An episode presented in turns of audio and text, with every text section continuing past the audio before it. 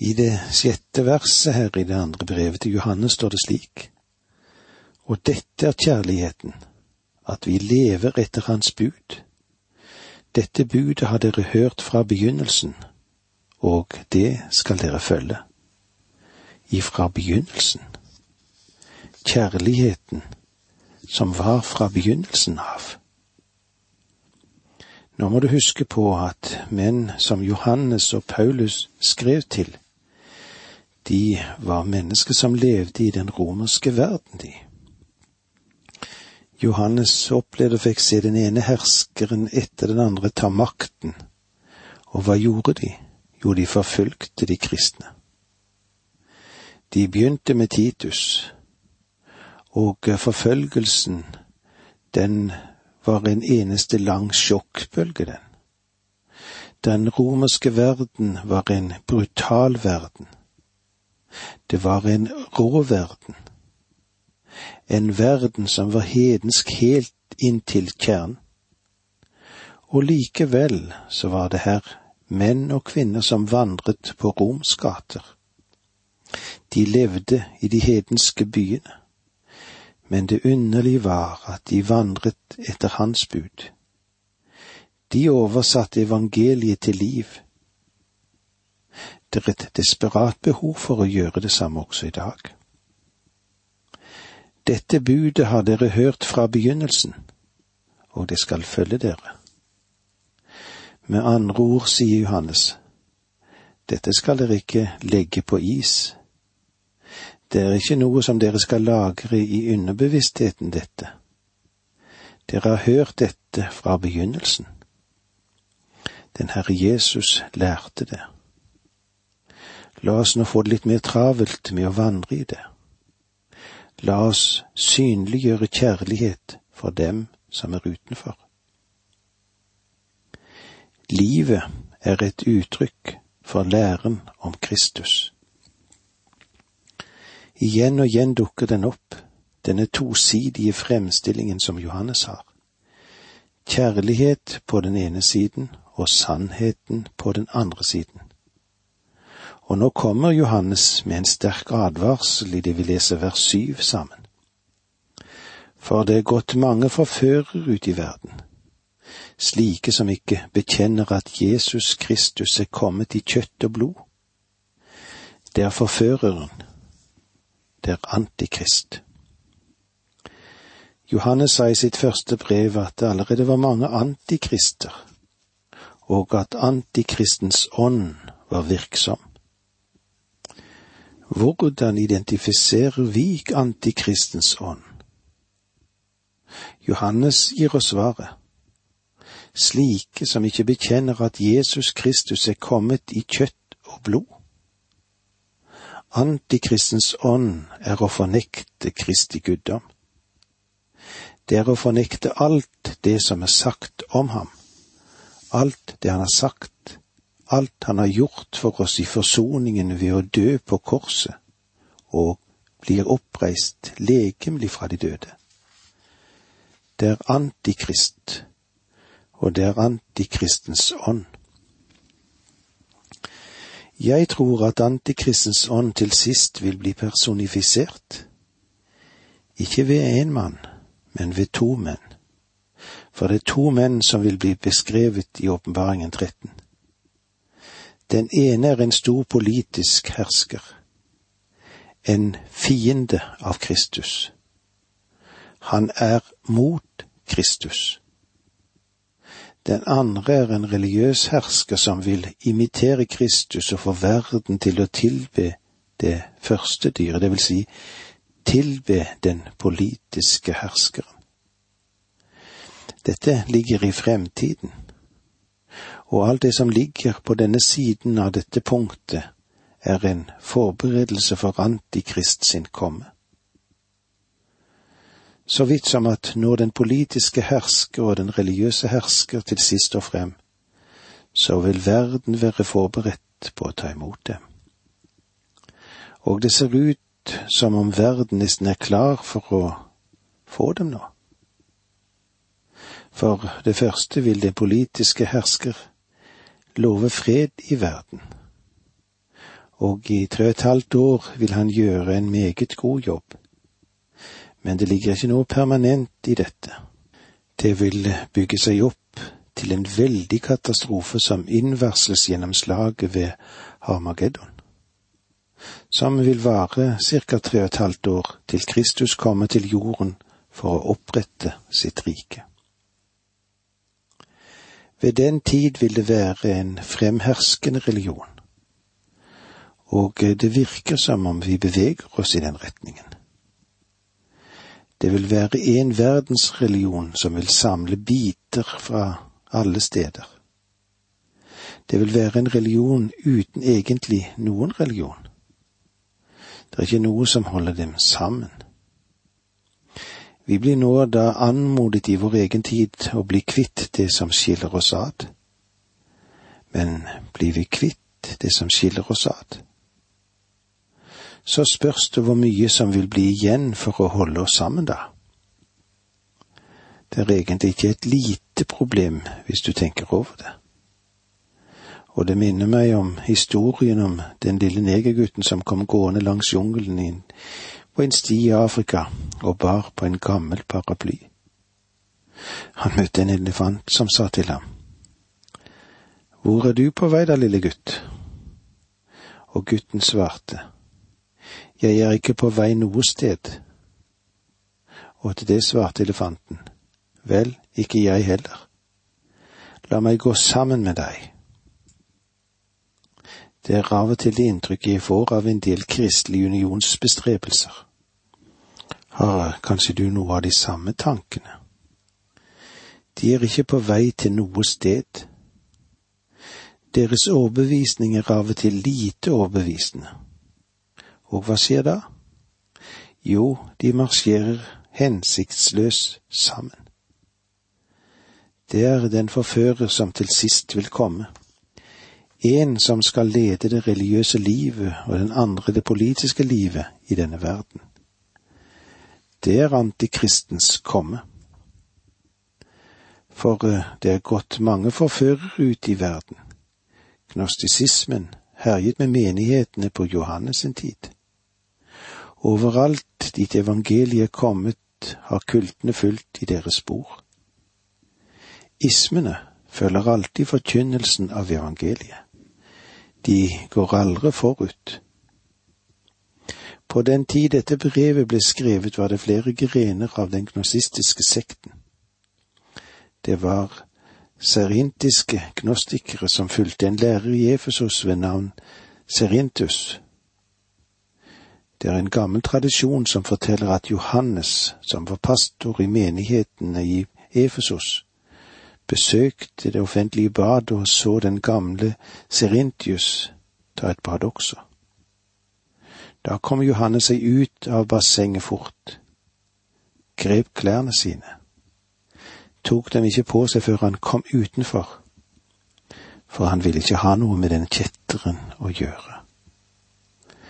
Vel, det er en tradisjon, og kanskje den ikke er sann, men den uttrykte i alle fall det synspunkt som Johannes legger for dagen i sitt brev. Disse gnostikerne de korresponderer med flere av datidens kulter, i det de lærte at Jesus og Kristus var to atskilte deler, og at det guddommelige kom over Jesus da han ble døpt og forlot ham på korset. Det var også en annen sekt som ble kalt for de doketiske gnostikere, som fornektet at Kristi fysiske legeme var virkelig. De sa at apostlene trodde at de så Jesus, men han var egentlig ikke en virkelig person. Han var bare en hildring, en åpenbaring. Vi har noen få kulter som har plukket opp dette kjetteriet også. også. Og det er grunnen til at Johannes sa i sitt første brev, Vi har sett ham, vi har hørt ham, vi har betraktet ham, vi har tatt på ham, vi vet hva vi snakker om, og han var virkelig menneske. Og det er dette vi skal være med og fortelle videre, for vi har sett ham, vi har hørt ham, vi har betraktet ham. Han var virkelig et menneske som kom for å frelse den fortapte verden. Og med disse ordene sier vi takk for nå, må Gud være med deg. Dette undervisningsprogrammet består av to deler. Åge Nevland fortsetter nå med andre del av dagens undervisning. Vi er i apostel Johannes sitt andre brev, der han gjerne vil fortelle oss hvordan vi skal forholde oss til den verden som vi lever i. Vi må være oppmerksom på at det er mange forførere, mange som vil lede oss vill, og eh, han sier at vi må vandre i sannhet og i kjærlighet. I det syvende verset leser vi slik her i det andre brevet som Johannes har gitt oss. For det er gått mange forførere ut i verden, slike som ikke bekjenner at Jesus Kristus er kommet i kjøtt og blod. Det er forføreren. Det er antikrist. Vi har sett litt på hva gnostikerne har å lære oss. Og så fantes det også visse jødiske sekter på den tid som Johannes levde. Den tid da kristendommen utbredte seg. De tok del i det som hadde med kristne læresetninger å gjøre. Blant annet så møter vi den i gruppen på Masada, som falt i år 73 tre år etter at Jerusalem falt. Det var omkring 967 seloter som hadde grepet tak i noe av Kristi lære. Men synet på Kristus som de hadde, det var forkvaklet. Det som Johannes sier her, er det som er aller viktigst for oss alle sammen. Det er viktig i dag, og det var viktig da, at det er mange forførere som er gått ut i verden og det som Johannes legger vekt på, er at måten du kan si om det er en sann eller falsk lære, er troen på Jesu Kristi person. Om man ikke tenker rett om ham, så går alt annet rett i vasken. Og den personen, han er en falsk lærer.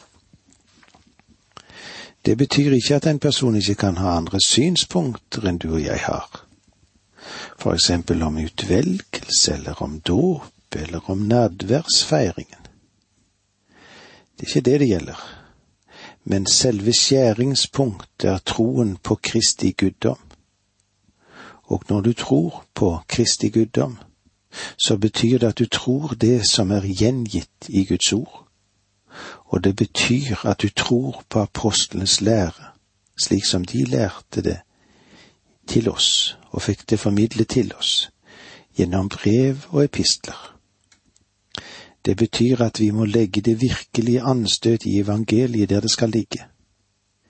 Ikke forflytte det til forhold som unødig skaper strid mellom troen. Johannes har understreket at du skal vandre etter Kristi påbud, og beviset på at du er et Guds barn, er at du vandrer i kjærlighet og viser kjærlighet til dine trossøsken. Nå har Johannes kommet med en advarsel om at mange forførere er kommet inn i verden. Den troen i dag vandrer på en farlig vei gjennom verden. På venstre siden av veien finnes det en jungel av liberalisme og frafall. Det er en vakker, men farlig jungel, for i den er det det vakre. Men det finnes farlige ting der, farlige dyr, som er rede til å fortære oss. På den andre siden av veien er det et villnis fylt av slanger. Det er et villnis av ekstrem fundamentalisme, der kjærligheten ikke lenger finner en god plass. Ja, den finner ikke plass i det hele tatt. Det eneste de mener er virkelig å ha rett til lære til punkt og prikke. Og det er altfor mye strid om finurligheter her. Og det mest smertelige ved norsk teologisk debatt er at den synes ikke å føre noe godt mellom brødrene for ellers måtte det ha gått an å tale sammen, og ikke bare kommunisere via avisspaltene, da. Å, hvor lett det er å ødelegge en kristen ledes integritet ved å sirkulere en rapport eller en uttalelse som skal forlamme den innflytelse som personen måtte ha, kan bli lammet. De menneskelige ambisjoner har også i den konservative leir tatt knekken på edle kristne ledere. Ditt rykte er dessverre ikke trygt i alle troendes hender. Der misunnelsen og den menneskelige tranghet råder, der forsvinner kjærligheten. Og når kjærligheten forsvinner, hva er det da Johannes har å si oss? Jeg har lært gjennom årene at Guds menn som står for sannheten og som forkynner Guds ord, det er menn du kan stole på, og som er romslige i sin tenkning, ja, de er romslige i sin holdning overfor andre. Det er underlig med disse personene. Vi må ikke være småskårne. Johannes sier at måten du kan stadfeste om noen er et Guds barn eller ikke, vær den som ikke gjør rettferdighet, er ikke av Gud, heller ikke den som ikke elsker sin bror. Kjærlighet og rettferdighet, det er to manifestasjoner av et Guds barn. Vi må være oppmerksomme på dem som ikke tror, forførere som fornekter Kristi guddom. Johannes sier det slik, fornekter du Kristi guddom, da er du ingen kristen. Du kan sikkert være religiøs, men du er ikke en kristen. La oss ha dette klart for oss. Og vi får jo huske på at en kristen betyr en som følger Kristus, en som tror på ham. Du kan ikke være en kristig etterfølger uten at du tror at han er Guds sønn, at du tror på hans underfulle liv og hans forløsergjerning på korset. Du er ingen kristen om du ikke tror på Kristi guddom han som sto opp fra de døde og sitter ved Faderens høyre hånd i dag. I vers åtte leser vi slik, Vær på vakt så dere ikke mister det dere har vunnet med arbeidet deres, men forfyll lønn. Du mister ikke din frelse selv om du har fellesskap med feile mennesker. Det må vi være helt klar over men du setter deg selv i en vanskelig posisjon. Det betyr at det øyeblikk du og jeg identifiserer oss med en kult, eller vi surrer oss bort i grupper og organisasjoner som fornekter Kristi guddom, så har vi tapt vår lønn. Johannes sier at det er ingen lønn for dem som gjør dette. Alle troende må være interessert i å gjøre noe for sin Herre, at de vil gjøre noe for sin mester. For en dag kunne høre ham si, Vel, du gode tro tjener. Ved slutten av sitt liv var Paulus i stand til å si, Jeg har stridd den gode strid, fullført løpet, bevart troen. Så ligger rettferdighetens krans ferdig for meg. Den skal Herren den rettferdige dommer gi meg på den store dag ja, ikke bare meg, men alle som har elsket ham og ventet på at han skal komme i herlighet, som det står i Jan Timotius 478. Under sitt liv var han ikke sikker på dette, for han sa at han ikke ønsket å bli diskvalifisert når han sto for Kristi åsyn. Derfor passer det seg for oss å være forsiktige, så vi ikke blir fanget inn av forførere. Vers 9 Den som ikke holder seg til Kristi lære, men går utover den, har ikke samfunn med Gud. Den som holder seg til læren, han har samfunn med Faderen og Sønn. Ordene som vi har foran oss her, går ut over den, er interessante. Det greske ordet parabanio betyr ikke her så mye å bryte med som å gå lenger enn det som er rett. Det er det det dreier seg om her. Det vil si at vedkommende blir ekstrem. Det var dette gnostikerne påberopte seg. Ordet gnosis betyr kunnskap. Gnostikerne påsto at de hadde litt mer kunnskap enn de andre. De hadde en helligere enn du-innstilling, de. Det er kanskje ikke så mange troende i dag som kjenner det slik, men av og til så kan vi støte på disse. Det er slik. Og nå da får vi brev fra mennesker som sier at jeg mangler noe, eller at vi mangler noe. Og det er jeg fullt oppmerksom på at jeg gjør. Men det har stor betydning hvem som sier det. Av og til så skremmer denne arroganse som kommer til meg i de brev som røper at det er viktigere sider i Kristi lære de har glemt. Hvis vår situasjon er slik, da sitter vi i glasshus.